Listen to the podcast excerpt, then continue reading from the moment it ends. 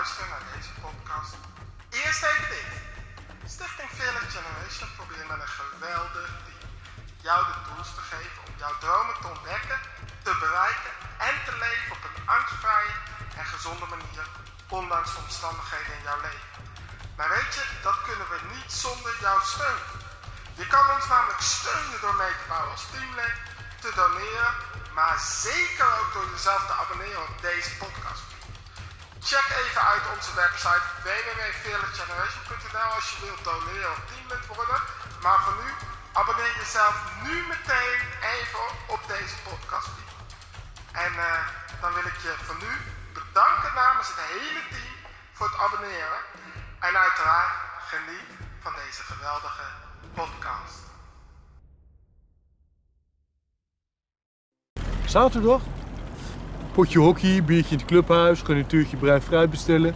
Shotjes uitdelen aan de sletjes van dames heen. En daarna een vies vingertje halen aan de bar. Wa- waarom aan de bar? Is toch lekker, een beetje vinger aan de bar? Gast. Gast.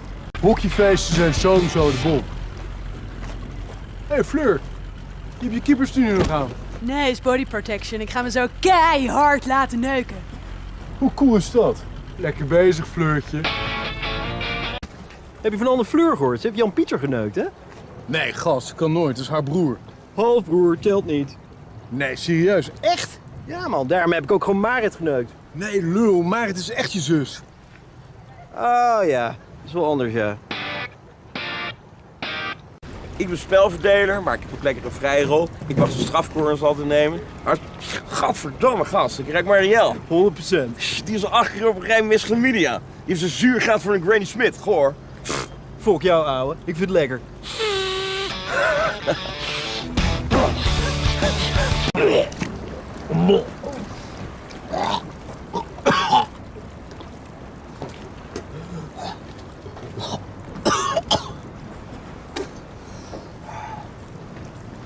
dat is niet van de drank hoor. Hij heeft net een belletje gehad, zijn vader is failliet.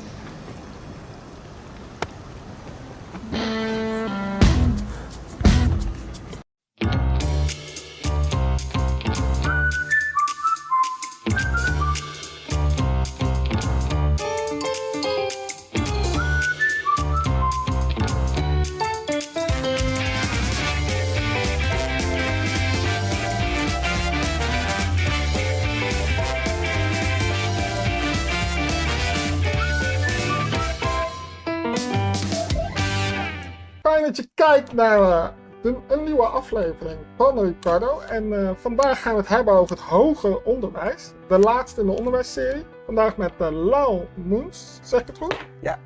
Perfect. Eh, jij bent voorzitter van de... Landelijk Studentenvakbond. LSVB, Klopt, ja. precies. Inderdaad, ik, ik worstel altijd met eh, dat soort afkortingen. Ja, dat eh, geeft niks. Maar laten we gewoon eventjes even lekker relaxed beginnen. Ja. Wie ben je? Nou, ik ben eh Lau Munt. Ik eh, studeer aan de Universiteit van Amsterdam. Wat studeer je? Eh, Politicologie, politieke wetenschappen. Dus alles wat met macht te maken heeft, dat, nou ja, daar krijgen we les over. En dit jaar ben ik dan de voorzitter van de Landelijk Studentenvakbond. Dus dat is een organisatie die komt op voor de rechten van studenten. We proberen studenten een stem te geven ten opzichte van de politiek, in de media. Soms doen we acties, demonstraties organiseren. En, en, en een stem geven aan, aan studenten? Ja. Ga je dan hard praten? Wat betekent dat, stem Als we heel boos zijn, kunnen we ook hard praten. Meestal doen we het ook met de zachte hand. En Mhm. ehm, je kunt dat op verschillende manieren doen. Hè? Dus je probeert, eh, als, als er wat speelt eh, rond studenten, nou, dan ga je in de media eh, vertellen wat er aan de hand is. Eh, je praat met Tweede Kamerleden en zeg je van, goh, eh, we zien dat leenstelsel bijvoorbeeld, die hele hoge studieschulden die studenten moeten aangaan. Dat is toch wel een groot Maar probleem. ben je dan een beetje een veredelde lobbyclub? Kan ik dat zo zeggen? Nou, niet, want eh, we doen meer, we doen zeker ook lobby. Hè? Dus je probeert je politieke contacten, die probeer je natuurlijk in te zetten om ook te zeggen tegen die politici wat nodig is voor studenten. Maar we zijn ook een organisatie die niet vies is van de straat op te gaan en actie te voeren. Als het eh, met, met praten niet goed komt, dan durven we ook andere stappen te Maar zetten. mag ik dan zeggen dat jullie een soort vakbondachtig zijn Ja, maar dan zeker. voor studenten? Absoluut, nou dat Oké, maar nou ja, vakbonden die zijn heel goed in problemen benoemen. Ja, laten we gewoon, het onderwijs, eh, dat gaat. eh, nou, we hebben nog steeds een goed onderwijssysteem, maar het Ja, kan altijd beter, laat ik het zo zeggen. Als je kijkt naar de studenten, wat, wat zijn nou, los even van corona, ja. de grootste problemen in het onderwijs? Los van corona, ik zou zeggen het inkomen van studenten. Dus het feit dat eh, vroeger kreeg je natuurlijk een beurs als je ging studeren. Dat heette de basisbeurs. Ja. Eh, en toen hebben ze gezegd, weet je wat, die studenten die gaan we in de studieschulden streken. We voeren het leenstelsel in. Die beurs wordt, Mm. werd van de studenten afgenomen. En sindsdien zien we eigenlijk dat het eh, eigenlijk geen uitzondering meer is om een studieschuld van 50, eh 40.000 euro te hebben. En dat zorgt natuurlijk voor heel veel moeilijkheden vanaf het moment dat je moet afstuderen. Dat, en dat moet snap ik, werken. maar het inkomen van studenten, ik snap die basisbeurs, maar Ja. ik heb natuurlijk ook gestudeerd, eh, ook universiteit, HBO. Ja. Eh, heb jij nog een beurs gekregen, toch? klopt, maar mijn ervaring is, ik was daar een redelijke uitzondering in, Ja. maar mijn ervaring is dat heel veel studenten, ja, een groot deel van het inkomen gaat toch ook naar zuipen. Nou, is daar zo'n basisbeurs voor bedoeld? En je moet zelf doen met je geld wat je wilt. En dat mensen ook soms een biertje kopen, daar zul je mij niet met de belerende vinger lopen. Nee, nee, nee, ik heb het niet over een biertje? Maar ehm, de grootste kosten die je hebt als student gaat dan eerst naar je collegegeld. Dat kost al 2000 euro per Mm. maand, ook een stukje hoger dan toen jij studeerde. 200.000 euro sorry, per Nou, jaar. ja, dat was 1900. 1900, nou, dat wordt eh, elke keer schuift een beetje op. Een gemiddeld huis voor een studentenkamer van een paar vierkante meter kost ook al 400 euro. Dus echt de grootste kosten die je hebt, ben je kwijt aan het betalen van je boeken, van je onderwijs en van eh, een dak boven je hoofd. Mm. Dan moet er nog eten op de plank. En ja, heb je misschien nog wat geld over voor Maar is het, probleem dan, eh, eh, is het probleem dan echt het inkomen of is het probleem gewoon de ja, ranzige hoge huurprijzen? Zeker, allebei. Hè? Dus je zult wat moeten doen aan. De studieschulden zijn zo groot dat er niet Mhm. één oplossing is om daar wat aan te doen. Je zult wat Mhm. moeten doen in de huurprijzen. En wij zeggen, pak bijvoorbeeld die huisjesmelkers aan. Het is toch schandalig Mhm. dat er steeds eh, belachelijk hoge prijzen worden gevraagd voor een paar vierkante meter. En in grote steden begint het echt een heel groot probleem te worden. Dus de huisjesmelkers moeten aangepakt worden, want we willen niet dat ze meer huur vragen dan wat ze eigenlijk zouden moeten vragen. Eh, maar je moet ook iets in een beurs voorzien, want ja, studenten zoals jij vroeger, die Mhm. kregen dat ook. En daardoor konden jullie zonder al te hoge studieschulden wel je studie netjes afmaken. Maar zit daar ook niet verschil in? Want je hebt natuurlijk studenten die het echt nodig hebben, want die komen uit een wat armer gezin. Ja. Om het even heel, heel, ik weet niet of dat heel woke is, maar laat ik armer gewoon maar zeggen. Ja, En je hebt natuurlijk studenten, eh, nou ja, kijk, ik had gewoon een vader die heeft best wel wat geld. eh, die Ja. heeft mijn studie gewoon voor, eh, grotendeels voor me betaald. Die student heb je natuurlijk ook. Ja. zit daar ook niet verschil in qua Nu inkomen? Ja, en hoe het er nu ook georganiseerd is wel. Hè? Dus als je echt ouders hebt die tot de lage inkomens behoren, dan krijg je wat heet een aanvullende beurs. Dus dan krijg je Mhm. wel wat geld. Alleen die inkomensgrenzen, dus het inkomen van je ouders, dat ligt zodanig laag. Als je al laag twee, ligt die? Als je al twee, eh, ja, dat hangt dus, het loopt af naarmate je. eh, waar, waar, waar ligt de grens een beetje? nou, je moet, je, weet je, je moet echt wel eh, iemand hebben op bijstandsniveau. Dat is een beetje waar, wanneer je een volledige aanvullende beurs krijgt. Ja, precies. Vanaf het moment dat jouw ouders gewoon twee docenten zijn op de middelbare school, dan heb je echt niet zoveel geld als ouders om te geven aan je kinderen. En je kunt dan niet Mm. honderden euro's toestoppen bij je kinderen om ze te laten studeren. Dat geld hebben die mensen niet.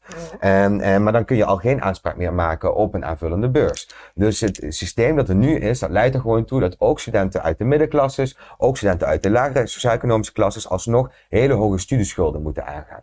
En daarvan zeggen wij, ja, dat vinden we niet fair, want als je hoge studieschulden Maar hebt. dan zegt Rutte, Rutte zegt dan ja oké, dat is zo, je krijgt studieschulden. Ja. Maar je hebt daardoor wel een beter uitgangspunt op de arbeidsmarkt. Je hebt natuurlijk een, een lening met een lage rente. Ja.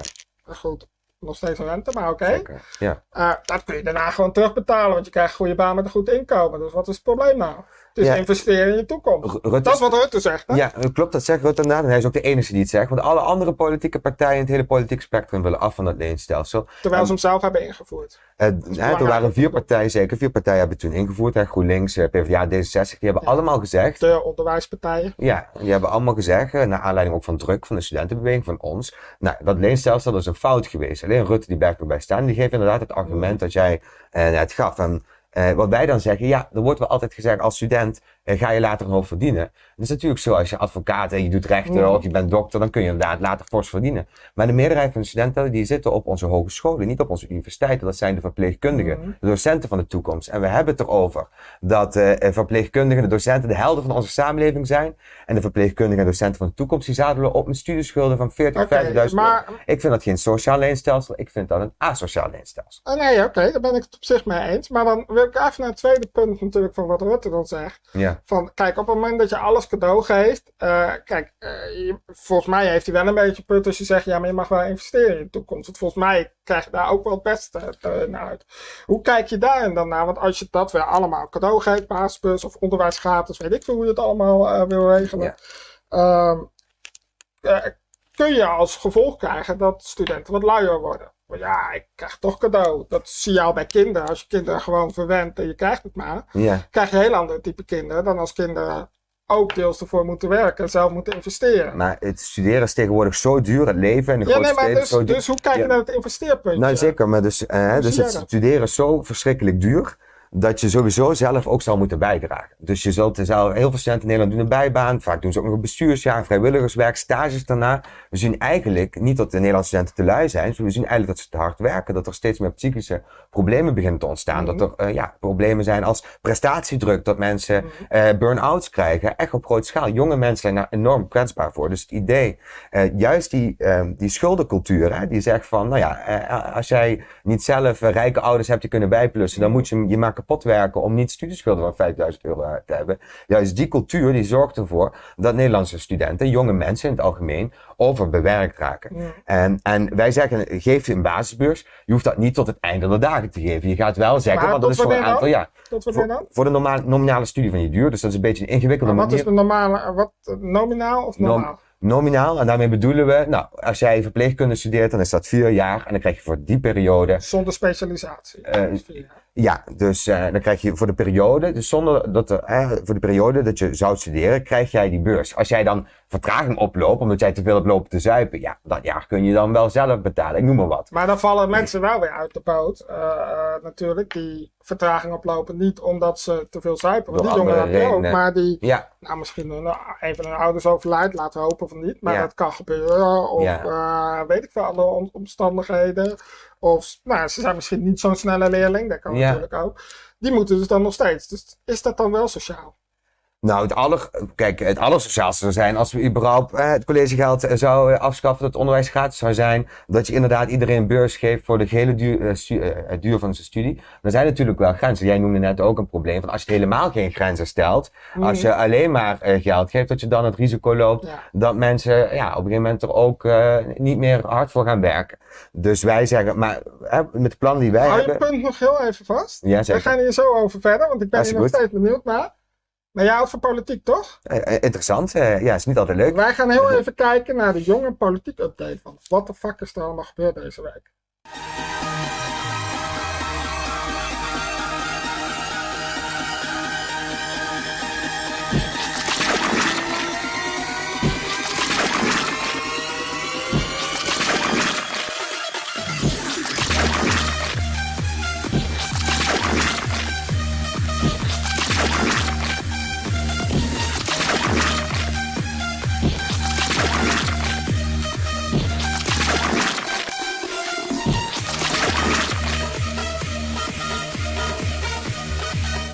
Ja, dankjewel Ricardo. Ehm, ja, zoals jullie zien, eh, ik sta hier in eh, Den Haag en eh, er zijn wat dingetjes te melden over het politieke bestel.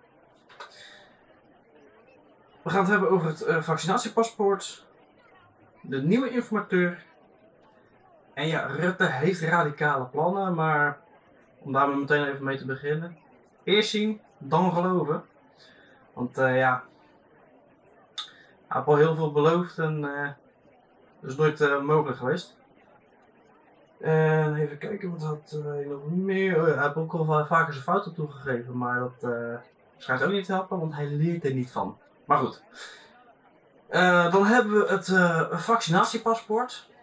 Nou ja, gaat het er wel, gaat het er niet komen? De kans is er van wel.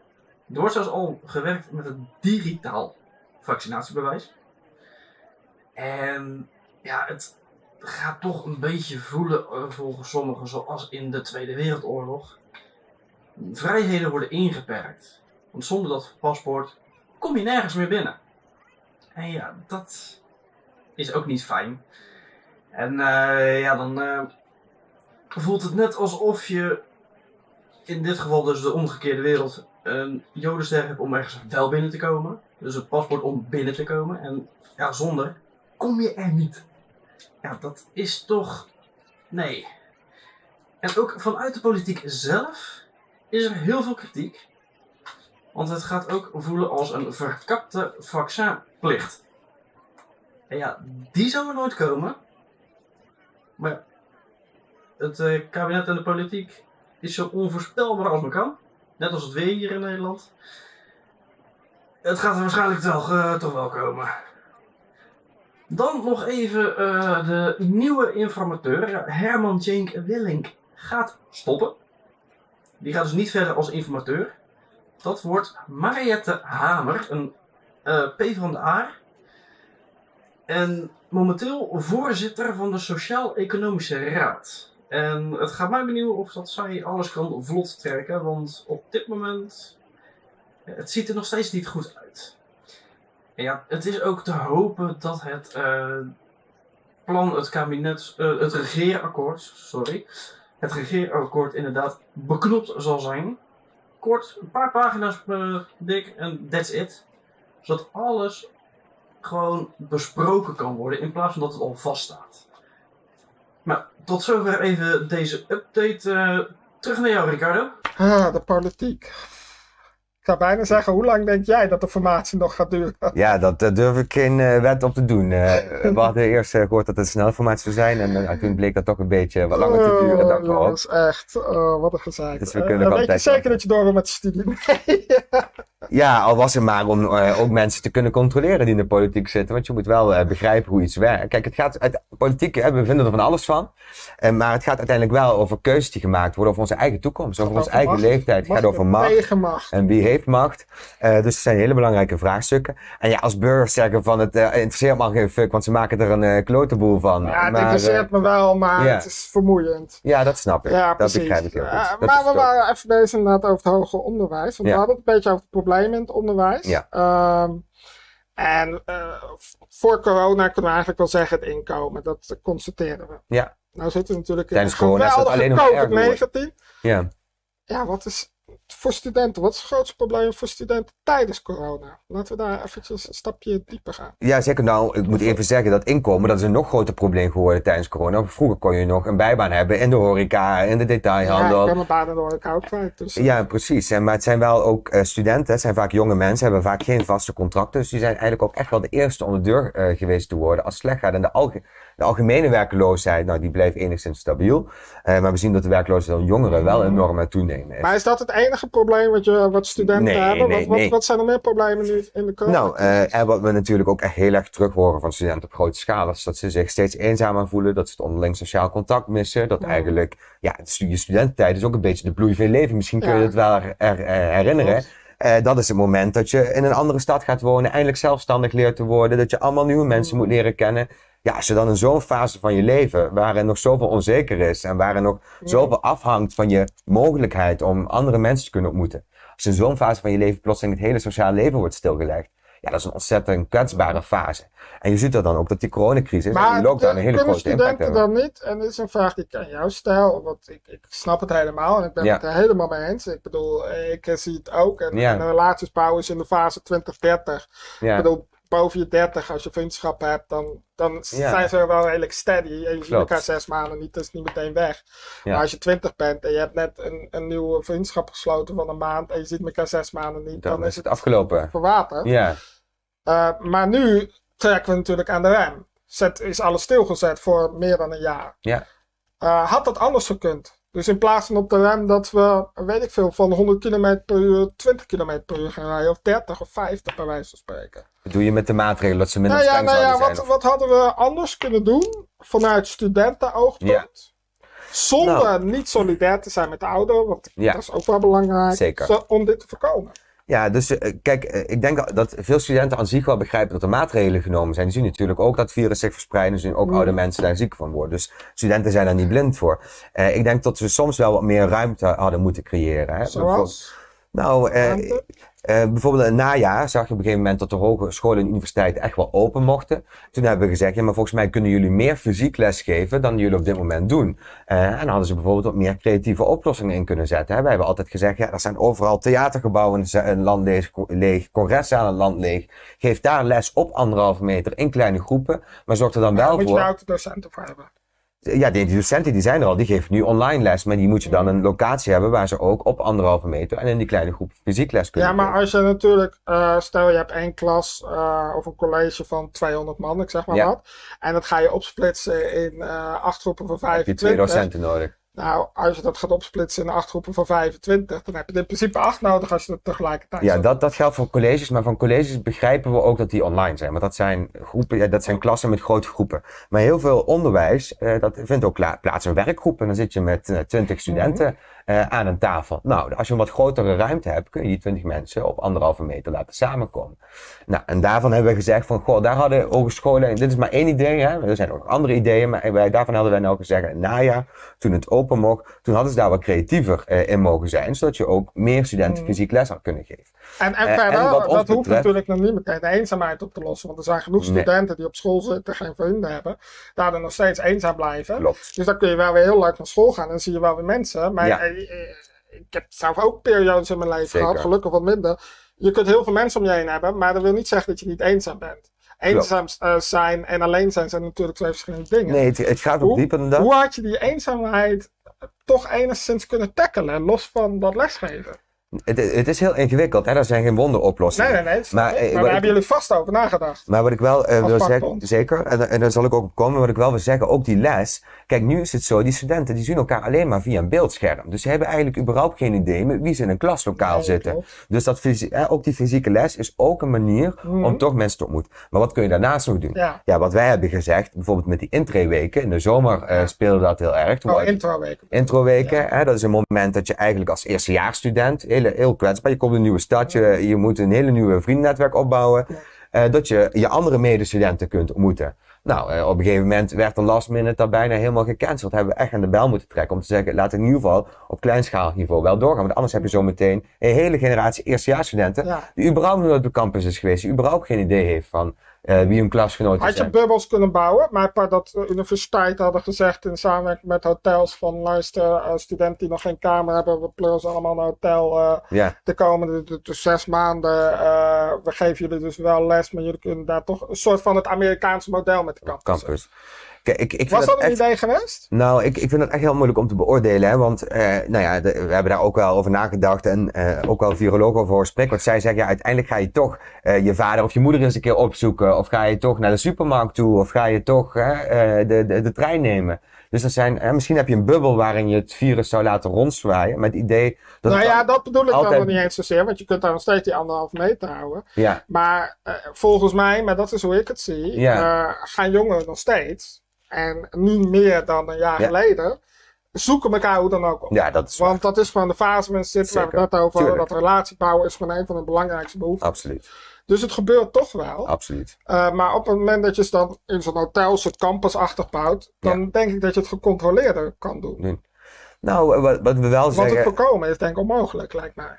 Nee, dat, dat, daar heb je helemaal gelijk in. En je ziet nu ook hè, dat de besmettingen onder jonge mensen toenemen. En ja, mensen zoeken elkaar ook op. En eh, ik snap ook wel, na een jaar eh, zo opgesloten te hebben gezeten, Ja, dat je ook wel eens een moment hebt dat je misschien twee mensen thuis hebt uitgenodigd in plaats van één. Of eh, dat je s'avonds een keer met iemand hebt afgesproken. Dat Hmm. is onvermijdelijk. Kun je van alles van vinden als samenleving. Maar dat gebeurt. Eh, en je hebt gelijk dat je eh, onder bepaalde omstandigheden zou je het ook eh, gecontroleerder samenkomen Ja, de sportbubbels eigenlijk. Want het is echt niet dat er bij die sporters Ja. die dan in een soort bubbel gaan, echt, er zult- zou daar ongetwijfeld ook virus op. Maar ik durf dus niet goed te beoordelen of, ehm, eh, of dat dan door middel van een bubbel, of dat een goede eh, haalbare oplossing is. Of dat je bijvoorbeeld een horeca een ruimte zou moeten geven om op anderhalve meter eh ontmoeten mogelijk te maken. Of dat je kijkt naar andere Ja, nee, maar dat kan ook. Dat is allemaal, denk ik, gecontroleerd dingen Ja, mogelijk maken. Dat klopt. En, dat is eh, meer gecontroleerd dan zeggen, eh, je mag helemaal geen sociaal Nee, leven want hebben. wat, En wat mensen... was het resultaat? Dat je de studenten zag, nou we hebben Kralingse Bos gezien in Amsterdam, Ja. waren er ook genoeg plekjes. Zeker, Nou, ja. ehm, hè? het, ja, het, Ja. het, ja ik, ik wil niet zeggen dat ik me schaamde voor de jongeren, absoluut niet, want ik snap het. Maar ja, ik snap wel, hierdoor krijgen jongeren geen betere naam voor. Want Ja, dat is ook wel denk ik een probleempje, daar wil ik het zo nog wel over hebben. Over Ja. de slechte naam van studenten en jongeren. Ja, eh, Laten we daar zo over gaan hebben. Ja, dat is goed. heel even door. Want we gaan kijken naar de column van deze week. Hoi, het is tijd voor de column. Hmm. Ja, weet je, nu heb ik niks. Oh, shit. Oeh. Deze moet ik heel even nemen. Een momentje, het is uh, Mark Rutte. Hey, Mark. Heeft uh, Arie mijn brief nog gehad eh, over voortgezet onderwijs? Trouwens, voordat ik verder ga. Daarover gesproken, ehm, ik moet het met je hebben over het feit dat je nooit je fouten echt toegeeft. Ik bedoel, fouten toegeven betekent een andere weg inslaan. Uh, en dat laat je altijd na. Zoals met dat asociale leenstelsel, waar Jesse, Sigrid en Lilian hun fouten inzagen en het anders willen. Blijf jij koppig? Waarom is dat zo? Of uh, moet ik als een echte Antilliaan uh, jou geven voor je billen? Hm? Nee, maar Mark, even eerlijk. Je zadelt de toekomst van Nederland op met torenhoge schulden. Terwijl ze niet eens van de bank van mama of papa af kunnen. Ze kunnen daar niet vertrekken en je stort het land in grote problemen en jij let alleen maar op de centen.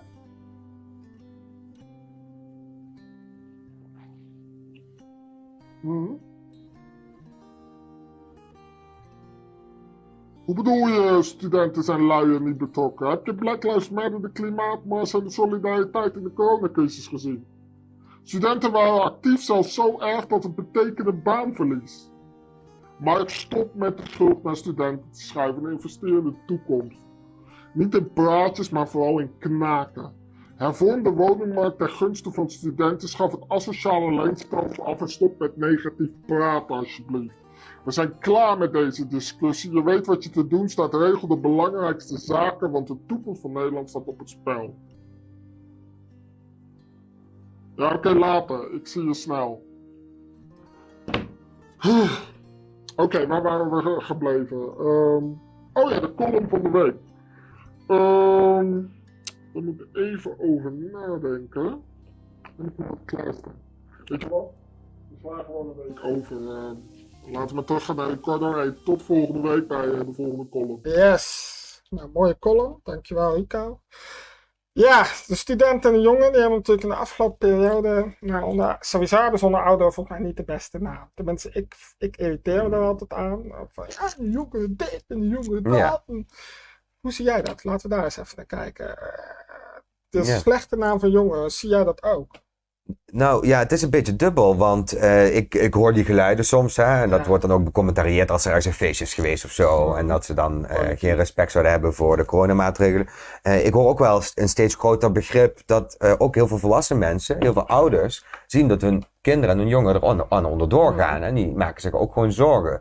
Dus uh, ik zie die twee kanten. Uh, en nog steeds wordt er wel de patatgeneratie, nog voor corona, ja. de patatgeneratie. En verwende dit en verwende zus. Ja, maar dat, kijk, dat soort taal, ik begrijp dat er mensen zijn die dat allemaal vinden. Begrijp je dat? Uh, maar daar ben ik het echt niet mee eens. Nee, maar omdat er wordt heel vaak gezegd van, oh, de generatie, ze zijn niet geëngageerd. Ze houden zich alleen maar bezig met de social media. Ze zijn materialistisch. Ik zie juist een super idealistische generatie mm. opstaan. Heel, ik denk aan de grote sociale beweging van de afgelopen jaren, de Black Lives Matter beweging, die klimaatstakers. Nou ja, uh, dus dat zijn gewoon scholieren op de middelbare school. Toen ik op de middelbare ja. school zat, was niemand met politiek bezig. Nu zien we dat ze met tienduizenden de benen op mijn school? Oh kijk, was de Ja, nou, ik, ja ik, ik, ik, was ook uh, een van de weinigen dan en die dat interessant vond. Maar nu zie je echt een generatie opstaan die juist via die social media niet alleen maar bezig is met zichzelf, maar nee. ook met uh, wat is er mis met de samenleving en wat is onze stem uh, daarin. En wij hebben maar ze worden niet serieus genomen, want het is de patatgeneratie. Wat gaan, nee, wat gaan we nou doen aan het feit dat, dat studenten schijnbaar bij politiek ook. Want af en toe, ja. kijk, ik kijk hele debatten, ik ben helemaal goed in mijn hoofd, maar ik kijk hele debatten en dan, als het dan over jongeren gaat, ja, ik zet het geluid altijd uit, laat ik het zo zeggen. Dat hoeft ja. echt niet te horen. Uh, dat, kijk, om serieus genomen te worden en naar je geluisterd te worden, is het denk ik wel belangrijk dat er respect voor je komt. Als ik geen respect voor je heb, dan kan je tegen mij alles zeggen. Mm -hmm. Maar dan denk ik, fuck jou, wie ben jij? Ja. Uh, dat is toch wel een houding van, nou ja, laten we de babyboom generatie niet allemaal, absoluut niet, ik generaliseer een beetje, ja. maar toch wel een groot gedeelte. Ja. Hoe gaan we dat nou omturnen? Dat er weer wat respect komt voor studenten, voor de oudere jongeren. Nou ja, ik zie daar ook een taak voor ons, uh, organisaties als die van ons. En je hebt nog talloze andere jonge organisaties. En hoe ook ga je dat doen? Zelf. Nou, ik, ik denk dat het gewoon heel belangrijk is helder uit te leggen wat zijn de uitdagingen waarvoor jongeren voor staan. Hè? Dat idee van dat uh, de generatie uh, lui zou zijn of dat de jongeren het makkelijk zouden hebben. Als je kijkt naar hoe moeilijk het is om een woning te vinden. Als je kijkt naar hoe hoog de studieschulden zijn. Als je kijkt naar hoe moeilijk het is voor een jong iemand om een vast contract ergens te krijgen. Uh, als je kijkt naar wat er in die Ja, maar dat hadden wij ook, zegt zo'n babyboomer. En wij zijn er ook van uitgekomen. En wij hadden ook nog net de oorlog daarna. Ja. Dat zegt een babyboomer dan. Ja, ik ben nooit zo van de Tweede Wereldoorlog. Nee, maar dat is... Ja, maar ik mag toch hopen dat hè, de, de, kwaliteit van leven die we ambiëren voor onze jonge mensen, dat die beter is dan de standaarden die we uh, toen hadden. En, en er is wel echt wat aan de hand. Hè. Er zijn ook hele serieuze economische clubs Klopt. die erkennen van hè, de, de manier waarop het nu georganiseerd is voor jonge mensen, hun toegang tot een betaalbare woning, de hoogte van de studieschulden. Maar hoe breng je dat? Dat zijn hele grote Ons, problemen. de generatie die nu aan de knoppen zit, dat is de Ja. babyboom generatie. Ja. Hoe brengen we hun nou aan het verstand dat ze nou eens een keer naar Maar de ik- studenten gaan luisteren? ja, maar jij bent sceptisch over die babyboom generatie, maar de, nou de ja, kinderen van die... gewoon het Nee, maar die, die kinderen van die babyboom eh, eh, dat zijn de studenten van nu. En die baby, heel, een groot deel van die babyboom generatie, die zitten zelf dus een hoop bij te plussen om die studieschulden van die jongeren enigszins in bedwang te Mm. houden. Die babyboom maar dat generatie, zijn niet die zien ook, die aan de knoppen zitten. maar die babyboom generatie, die zien ook hun kinderen nu onderuit gaan vanwege Mm. corona. Dat ze eenzaamheid eh, lopen. Dus ik, ik, ik heb eigenlijk, ik ervaar als ik kijk naar wat voor mails wij van ouders binnenkrijgen, die ons Maar aansporen. zijn het de ouders die de macht hebben? Nee, Want nou, het lijkt mij om iets te veranderen, moet je macht hebben, toch? Als Rutte nu zo... Nou ja, we hebben het gezien. Als Ja. het land gaat op slot, gaat het hele land op slot. Ja. Eh, dat zijn toch de babyboomers die het voor het zeggen hebben, gemeenteraden, noem het Zeker. allemaal op. Nou, en nogmaals, ik generaliseerde wat. Er zullen Ja. echt wel goede zijn, absoluut. Dat, dat doet niks aan af. Ja, maar ik voel dat ook. Kijk, en die mensen die, die schrijven ons om te zeggen: ja. Ja. je moet meer voor onze jongeren doen. Want er wordt de hele tijd het beeld opgegeven dat ze het zo makkelijk zouden hebben. Maar we zien gewoon dat het helemaal niet goed gaat. Ik ben. En dat, die Maar hoe opdracht die turnen we het nou om? Hoe turnen we die mensen, die babyboomers nou om, die aan de knoppen zitten? Nou, als ik het die kunnen mag- wat veranderen. Als ik voorbeeld mag geven van het leenstelsel, hè, dat was Mhm. ingevoerd. En toen werd, hè, dus ze zeiden: studieschulden voor jonge mensen zijn normaal. En toen zeiden ze tegen ons: daar komen jullie nooit meer van af. Dat gaat nooit meer veranderen. Eh, dit is een verloren strijd, ga je maar met andere dingen bezighouden. We hebben gezegd, nee, we zijn studenten door het hele land gaan organiseren. We hebben actiecomité's eh, van eh, Rotterdam tot en met Maastricht, tot en met Groningen, tot en met Amsterdam. En we hebben constant aandacht gevraagd voor dit onderwerp. In de loop der jaren, ze hebben drie van de vier partijen die dat gesteund hebben, die hebben hun steun ingetrokken. Waarom? Omdat die zien dat die studenten in beweging komen. Die maken zich zorgen. Ja, wij zijn ook partijen die steun hebben bij die studenten, die willen we niet kwijtraken. Nou, die hebben hun standpunt veranderd en nu is de kans gewoon heel erg groot dat dat leenstelsel afgeschaft wordt, omdat er nog maar één partij over is, de VVD, die het niet wil veranderen. En de rest heeft allemaal gezegd, we gaan het wel doen. Dat doe je door als je als jongere jezelf organiseert, je door het hele land organiseert, je doet acties, je houdt je verhaal in de moeten pers, allemaal lid worden, de studenten moeten lid worden van de LSVV. Van, dat kan bij een studentenvakbond, je kunt ook bij politieke partijen lid worden, je kunt eh, via ja, social het lijkt media... mij dat je het dan niet op te veel eilandjes wil hebben. Want hoe meer je het bij elkaar hebt, als je bij wijze van spreken eh, in elke provincie Ja. vijf eh marsen, inkomstenmarsen gaat, eh, want we hadden het Ja. net over inkomen, inkomstenmarsen gaat eh, doen per maand. Vanuit dezelfde is vaak toch het makkelijkste. Eh, ik zeg niet dat samenwerking niet mogelijk is, maar Ja. we zien dat dat best wel lastig is. Zie de politiek. Ehm, Maar het gaat erom, als je als jongere wat wil veranderen, dat je je samenvoegt. dan moet je je organiseren. En dat, eh, kijk, ik zou dat doen binnen de vakbond. Dan zullen jongeren kijken die denken, nou, dat vind ik ook eh, een goede plek om dat te doen. Mhm. Andere jongeren, die doen het misschien Black Lives Matter. Dat is ook voor een belangrijk deel niet door een gigantische geïnstitutionaliseerde organisatie ontstaan. Dat is ontstaan door jongeren die ook bij elkaar zijn gekomen via social media. Zich hebben gezegd, we zijn zo Ja, het is wel een beetje aangekikt door de kick-out Zwarte Piet organisaties die erachter zaten. Zeker, maar Dus, ook zoiets kan ook groot worden, omdat vervolgens individuele mensen zoiets zien op eh, social media en zich erbij aansluiten bij zo'n beweging. Eh, en daar zitten ook organisaties achter. Maar wat ik wil zeggen, eh, zij laten zien, ook de klimaat, de mensen die toen voor klimaatverstraat zijn Mhm. gekomen, ook wij, met wat we doen met het leenstelsel, laten zien dat als jongeren samenkomen, kunnen we ook de agenda van de politiek bepalen. Maar als we stil blijven zitten en je op te jammeren dat er geen respect voor ons is, of dat de babyboomers ons niet begrijpen, ja, dan gaat het Dus er eigenlijk is jouw uitdaging, om, want we gaan richting het einde, Ja. Social media is leuk, is goed, maar kom nou eens even achter die social media vandaan, ga elkaar verenigen, ga die straat nou eens een keer op en laat je echt zien ook in het echte Nou ja, eh, ik- Social media social- ook. Ja, zeker. Maar ook ga eens naar de Dam of naar weet ik veel, eh Kralingse Bos of eh, weet Ja. ik veel welk, eh, wat je nog Nou, meer als ik, hebt. als ik nu gewoon even terugdenk aan de afgelopen jaren, hè, wanneer zijn jongeren er echt in geslaagd om thema's die voor hun belangrijk zijn, Klimaat, goed op de agenda te zetten?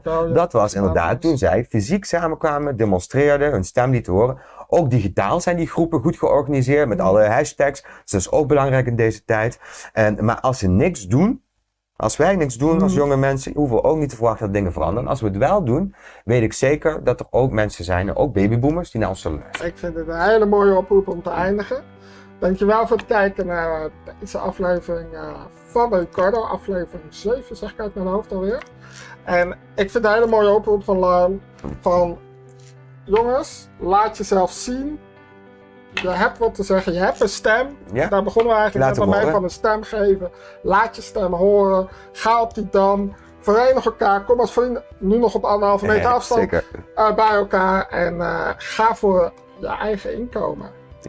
Besteed je laatste geld aan je treinkaartje. En ga ervoor. En wij zien elkaar natuurlijk volgende week weer bij een nieuwe aflevering. Dankjewel. Van Ricardo. Dankjewel uh, Ja. voor het gesprek, Lau. En tot volgende week. Águias